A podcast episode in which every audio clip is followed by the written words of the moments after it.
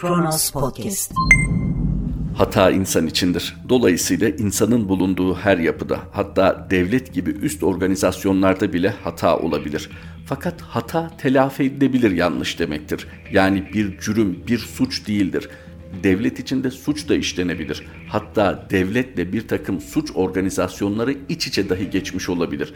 Fakat temelde hukuka dayanan, işini kanuna yaslanarak yürüten ya da yürütmesi gereken devlet bunları ayıklamasını bilir. Çünkü devletin içinde bu yapılarla mücadele etmesini sağlayacak kontrol ve denetim mekanizmaları vardır.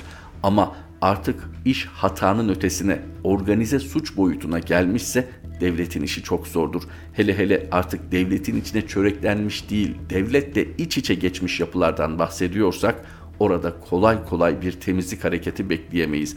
Her ne kadar zaman zaman kıpırdanmalar olsa da belki bireysel çapta idealist yaklaşımlar olsa da orada esaslı bir arınmadan söz etmek çok zordur. Sadece Sedat Peker videoları bile böyle bir karanlık tablonun varlığını Türkiye için maalesef teyit ediyor. Üstelik senelerce devlet adamı olarak bilinen bazı insanların bizatihi bu yapıların içinde yer alması, bizatihi bu yapılarla birlikte suçun ortasında yer alması. Üzücü olan bu. Merhaba, 17 Mayıs 2021 Pazartesi günün tarihi ve Kronos Haber'de Kronos günden başlıyor. İskenderun limanında 6,2 milyon kaptagon ele geçirildi. Türkiye son günlerde gündemden düşmeyen uyuşturucu haberlerine alıştı. Geçtiğimiz haftalarda Kolombiya'dan hedefi İzmir limanı olan ve Panama'dan Mersin limanına gelen yüklü miktardaki kokainin ardından bir haber de İskenderun limanından geldi.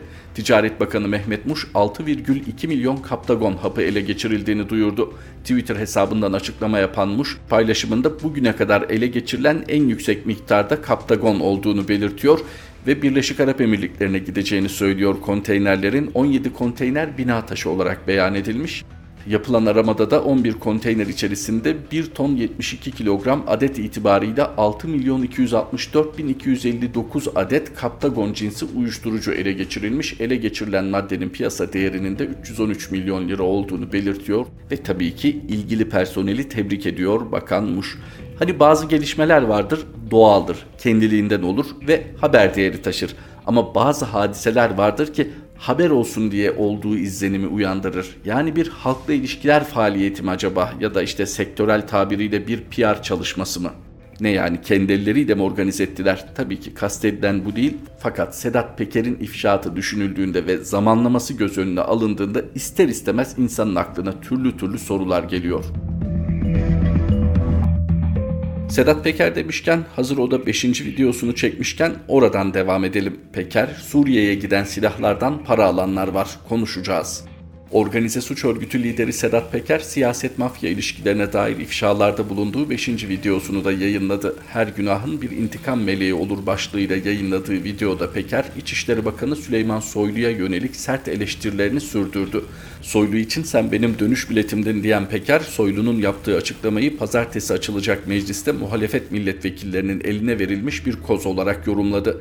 Organize suç örgütü lideri Sedat Peker YouTube üzerinden 5. videosunu yayınladı. Üslubu yine o bildiğiniz artık bilmeyenlerin de alıştığı üslub. Yani ağlıyor mu, gülüyor mu, böyle duygusal kutuplar arasında gidip geldiği izlenimini uyandırıyor. İşte tam da bu sebeple kimileri acaba bir takım maddeler mi kullanıyor kayda geçmeden önce gibi soru işaretleri ortaya atmıştı. Tabi bunların hepsi ona da ulaştığı için bu konulara da cevap veriyor. İsim isim gazetecilerden, akademisyenlerden söz ediyor. Kimine saygılarını sunuyor, kimilerini eleştiriyor, kimilerine bir takım lakaplar takıyor hatta yoklama dahi alıyor falanca burada mı falancanın adamları burada mı şeklinde zaten takip ediyorsunuz çünkü sayısal veriler ortada milyonlarca izlenirliği var bu videoların biz o halde ana çerçeveye bakalım.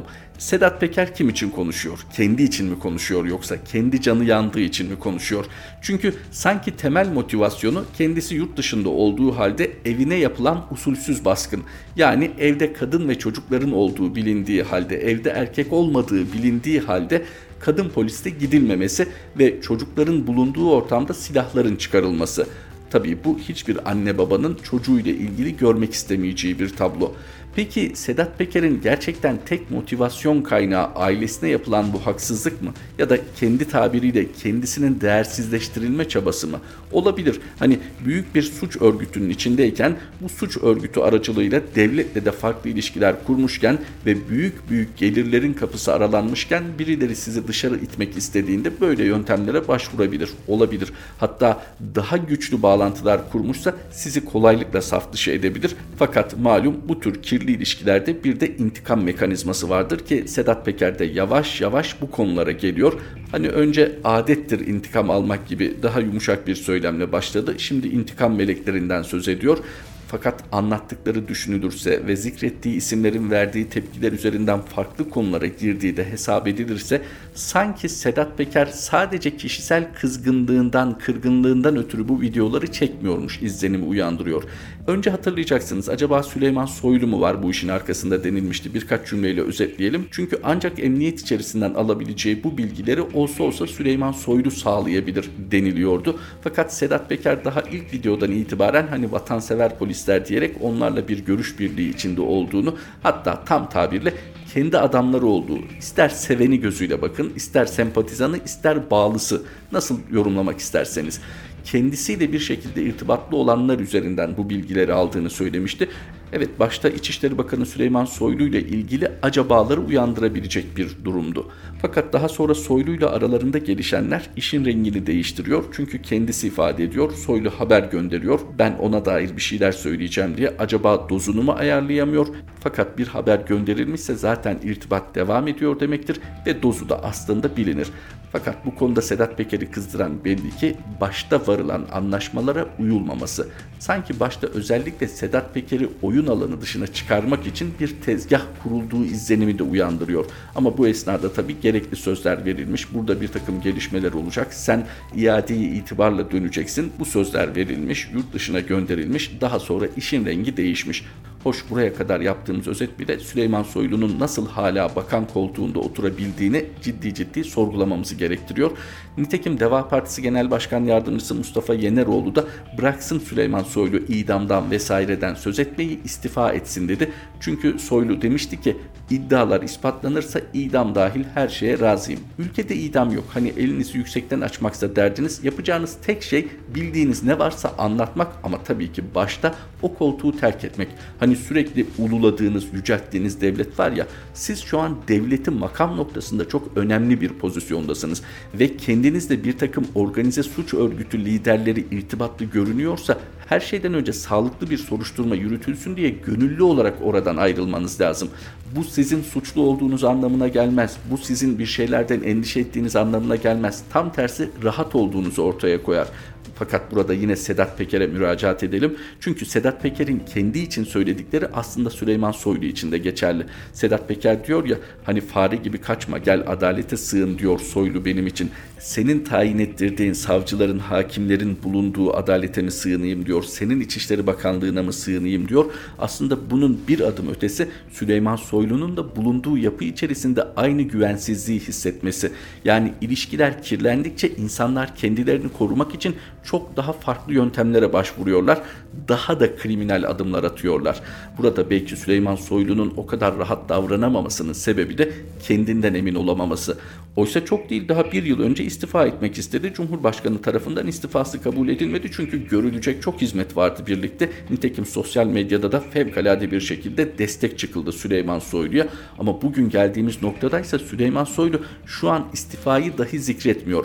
Evet her an her şey olabilir. Belki şu dakika itibariyle Cumhurbaşkanı Süleyman Soylu'yu alabilir. Belki Süleyman Soylu'yu birkaç saat sonra YouTube üzerinden Sedat Peker gibi bir takım ifşaatta bulunurken de görebiliriz. Hiçbir şey şaşırtmaz. Fakat evet ihtimallerden biri Süleyman Soylu'nun Sedat Peker'i bilgilendirdiği şeklindeydi. Gelinen noktada kısmen doğru olduğu anlaşılıyor. Sedat Peker kendisi ifade ediyor zaten Süleyman Soylu'nun hangi bilgileri paylaştığını, hangi konularda yardım ettiğini, hangi konularda Sedat Peker'le yan yana durduğunu. Fakat gelinen noktada belli ki güç dengeleri değişti ve Süleyman Soylu şu an Sedat Peker'le aynı yöne bakmıyor gibi görünüyor. Acaba Albayraklar üzerinde çok durmaya gerek var mı? Sedat Peker'in videolarında geçtiği için belki zikretmek gerekir. O da şöyle Berat Albayrak'la Serhat Albayrak'ı aynı yerde tutmuyor aslında. Hani Albayrak kardeşler gibi bakmıyor olaya. Çünkü Serhat Albayrak'a daha açık eleştiriler yöneltebilirken Berat Albayrak'la ilgili böyle net bir tutumu yok. Oysa Berat Albayrak, Serhat Albayrak ve Pelikan birlikteliği artık su götürmez bir gerçeklik. Fakat buna rağmen Sedat Peker çok da toptancı bir yaklaşımda bulunmuyor. Pelikan'ı kesinlikle ayırıyor. Burada Serhat Albayrak Pelikan'dan çok da tefrik edemeyeceğini biliyor ama Berat Albayrak o havuzda değerlendirmiyor o konulardan bahsederken Cumhurbaşkanı Recep Tayyip Erdoğan'ı es geçmesi imkansız. Fakat şu an itibariyle Cumhurbaşkanı Erdoğan'la ilgili olumsuz bir ifadesine rastlamadık. Tam tersi samimiyet ifade eden abi gibi yaklaşımlarda da bulunuyor. Bunlar acaba bir takım mesajlar taşıyor mu sorusu son derece haklı ve yerinde bir soru. Süleyman Soylu ile ilgili bahsi kapatırken şunu da hatırlatalım. Baştaki ufak ufak değinmelerin dahi bir danışıklı dövüş olabileceği yorumları yapılıyordu. Ama gelinen noktada iki tarafta birbirini bu kadar yıpratmışken ve yıpratmaya devam edeceği gözükürken bu konudaki danışıklı dövüş ihtimali azalıyor. Peki neydi diğer şıklar? Evet şu ana kadar Hakan Fidan aleyhinde de konuşmuyor. Acaba Hakan Fidan aleyhinde bir şey bilmediğinden mi yoksa Hakan Fidan'la bir sorunu olmadığından mı? Sedat Peker kendisi ifade ediyor. Hani bir temiz devlet, bir temiz toplum arayışı yok. Zaten böyle bir şeye inanmıyor. İnsanın olduğu yerde kirlilik vardır diyor. Tamam. O halde Hakan Fidan'la ilgili konuşmayacak yahut da sırf Hakan Fidan için değil şu ana kadar konuşmadıkları ile ilgili hiç konuşmayacak sonucu çıkaramayız. Yani ihtiyaç duyduğunda yahut da tepkiler geldiğinde bir karşı atağa geçebilir. Ama şu ana kadar konuşmaması bir senaryo kur ama şu ana kadar konuşmaması bir fikir verecekse soruyu net soralım. Acaba Sedat Peker bir MIT organizasyonuyla mı yapıyor bunu? Bu da haklı bir soru. Mümkün mü? Mümkün olabilir. Fakat eşyanın tabiatına ne kadar uygun? Sedat Peker kendini bir güç odağı olarak tanımlarken acaba bir operasyon elemanı olmayı kabul eder mi? Büyük bir oyun kuruluyorsa neden etmesin? Konuşmalarında konuşmalarında hiç aleyhinde ifade kullanmadığı Cumhurbaşkanı Erdoğan'a gelelim. Acaba şu ana kadar Cumhurbaşkanı'na olan sevgi ve saygısından dolayı mı böyle davranıyor ya da Cumhurbaşkanı'nın gücünün farkında onu doğrudan hedef haline getirirse buradan hiçbir şey elde edemeyeceğini mi düşünüyor? Bu tabii ki Sedat Peker'in zihninin içinde olanlar. Fakat 5. video itibariyle artık daha netleşen bir durum var. O da şu ana kadar anlattıkları bazı isimleri devreden çıkaracak gibi görünüyor. Hatta benzetmek yerinde olursa ağrıyan dişleri tespit ediyor. Bu dişlerin belki de çekilmesi gerektiğine işaret ediyor. Kimdir onlar? Mehmet Ağar olabilir, Süleyman Soylu olabilir ki onlarla anılan bazı isimler de olacaktır. Hani bunların özellikle kadrolaşabilen isimler olduğu düşünülürse tek başlarına gitmeyecekleri açıktır. Bu da Cumhurbaşkanı Recep Tayyip Erdoğan'a müthiş bir hareket alanı açacaktır. Yani şu ana kadar kötü giden işlerle ilgili yine adres gösterme imkanına kavuşacaktır hatta devleti kirli yapılardan kurtarmaya çalışıyor imajı da kazanabilecektir. Bunların hepsi ispata muhtaç elbette fakat bunu düşündürebilecek güçlü veriler var elimizde. Çünkü daha önce legal, doğal bir takım ittifaklardan kurtulurken Cumhurbaşkanının böyle yöntemler seçtiğini gördük. Hatta böyle yöntemleri organize ettiğini gördük. Tabii ki doğrudan değil bir takım ara organizasyonlar vasıtasıyla Peki neden şimdi olmasın, neden yine böyle hareket etmesin sorusu akla geldiğinde MHP'yi de düşünmek gerek. MHP ile bu kadar sıkı bir birlikteliği varken iktidarın devamı içinde bu birlikteliğe mecburken MHP ile özdeşleşen neredeyse bu yapılardan kurtulabilir mi? Öncelikle Alaaddin Çakıcı. Belki artık bir tercihte bulunacak. Yani bazı kirli yapılardan kurtulurken bazı kirli yapıların da makyajına razı olacak. Aslında şöyle bir geriye yaslanıp düşündüğünüzde bunların konuşuluyor olması başlı başına ayıp, başlı başına skandal bir hukuk devletinden söz ediyoruz ama gücü muhafaza etmek için girişilen kirli ortaklıkları, kirli işbirliklerini anlamaya çalışıyoruz. Bunlar üzerinden ülkenin geleceğine dair fikir edinmeye çalışıyoruz. Şimdi bunların hepsini bir kenara bırakalım. Bu konuşmanın dahi aslında bir hukuk devletinde skandal olduğu düşünülürse ülkenin topyekün bir arınmaya ihtiyacı olduğu ortada. Çünkü siyaseti arındırdığınız takdirde bürokraside bu yapı devam edecek. Bürokraside tasfiyeye gittiğiniz takdirde siyasi irade yeniden böyle bir yapı kurabilecek donanımda belli ki işbirlikleri üzerinden düşünüldüğünde peki nereye varacak? Sanırım İtalya'dan daha ciddi bir temiz eller operasyonuna ihtiyaç var. Ama defalarca söyledik bir kere daha söyleyelim. Mevcut kadrolarla mevcut devlet yapısıyla böyle bir arınma mümkün değil. Bu arınmanın olabilmesi için devletin her şeyden önce sarsılması lazım. Burada olumsuz manada kullanmıyorum kelimeyi kendine gelmek için sarsılması lazım. O da mevcut siyasi kadrolarla ve mevcut bürokrasiyle mümkün değil. Tam kapanma sona erdi. Kademeli normalleşme nasıl olacak? Koronavirüs salgınıyla mücadele önlemleri kapsamında 29 Nisan 2021'de başlayan 17 günlük tam kapanma süreci sona erdi. Tam kapanmanın başladığı 29 Nisan'da 37.674 olan günlük vaka sayısı 16 Mayıs itibarıyla 10.512'ye düştü. Tam kapanmanın ilk gününde 339 olan günlük can kaybı dün 223 olarak istatistiklere yansıdı. 29 Nisan'da 4 milyon 788 bin 700 olan toplam vaka sayısı 16 Mayıs itibarıyla 5 milyon 117 bin 374'e ulaşmış durumda. 29 Nisan'da başlayan tam kapanma önlemlerinin bu sabah sona ermesinin ardından 1 Haziran 2021 Salı günü saat 5'e kadar kademeli normalleşme dönemi uygulanacak. Bu kapsamda hafta içi her gün 21-5 saatleri arasında, hafta sonları ise cuma günleri saat 21'den pazartesi saat 5'e kadar sokağa çıkma kısıtlaması uygulanacak. Yeme içme yerleri hafta içi 7-20 saatleri arasında gel al ve paket servis, 20-24 saatleri arasında ise sadece paket servis yapabilecek. Hafta sonlarında ise 7-24 saatleri arasında sadece paket servisi yapılabilecek. Alışveriş merkezleri hafta içi 10-20 saatleri arasında faaliyet gösterebilecek. Şehirler arası seyahat kısıtlaması sürecek. Kreş ve anaokulları hariç 1 Haziran'a kadar uzaktan eğitim yöntemi uygulanacak. Elbette salgınla ilgili tedbir alan sadece Türkiye değil alındı, alınıyor ve alınacak. Gidişat onu gösteriyor.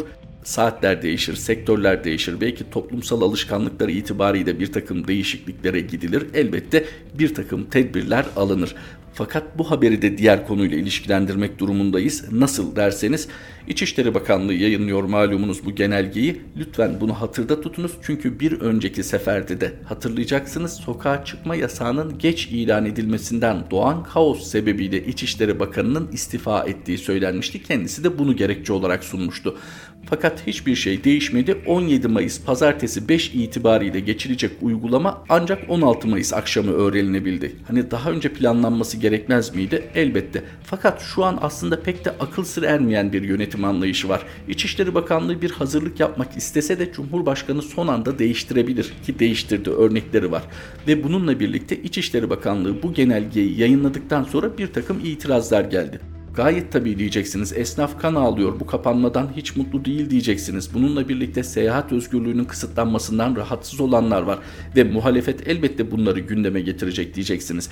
Fakat farklı bir itiraz vardı. Daha doğrusu bir itiraz, bir netleşme talebi vardı ama kimden? O da AK Parti'nin sembol isimlerinden biri Metin Külünk'ten geldi. AK Parti Merkez Karar ve Yönetim Kurulu üyesi Metin Külünk genelgeye belirsiz dedi, netleştirilmesi gereken hususlar olduğunu söyledi ve acilen revize edilmeli dedi. Biliyoruz ki AK Parti çoğu konuda kapalı devre çalışan bir siyasi yapı. Yani eleştirilerini kendi içlerinde dile getiriyorlar.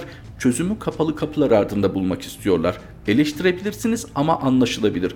Fakat böyle bir durumda yani İçişleri Bakanı'nı daha önce istifaya götürmüş bir konuda bu kadar açık bir eleştiri getirmesi Metin Külüngün ve bu uzun iktidar döneminde de farklı pozisyonlarda olsa da bu ismin sürekli Cumhurbaşkanı Erdoğan'a yakın isimler arasında zikredilmesi şimdi o konuyu biraz daha belirginleştiriyor.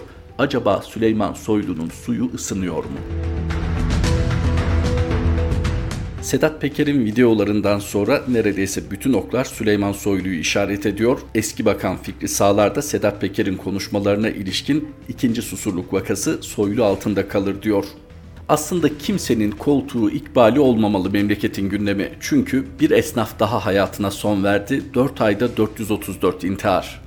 Urfa'nın Haliliye ilçesinde esnaflık yapan 29 yaşındaki İsa Değerli yaşanan ekonomik kriz nedeniyle zor günler geçiriyordu. Evli ve iki çocuk babası olan Değerli kaldırıldığı hastanede yaşamını yitirdi.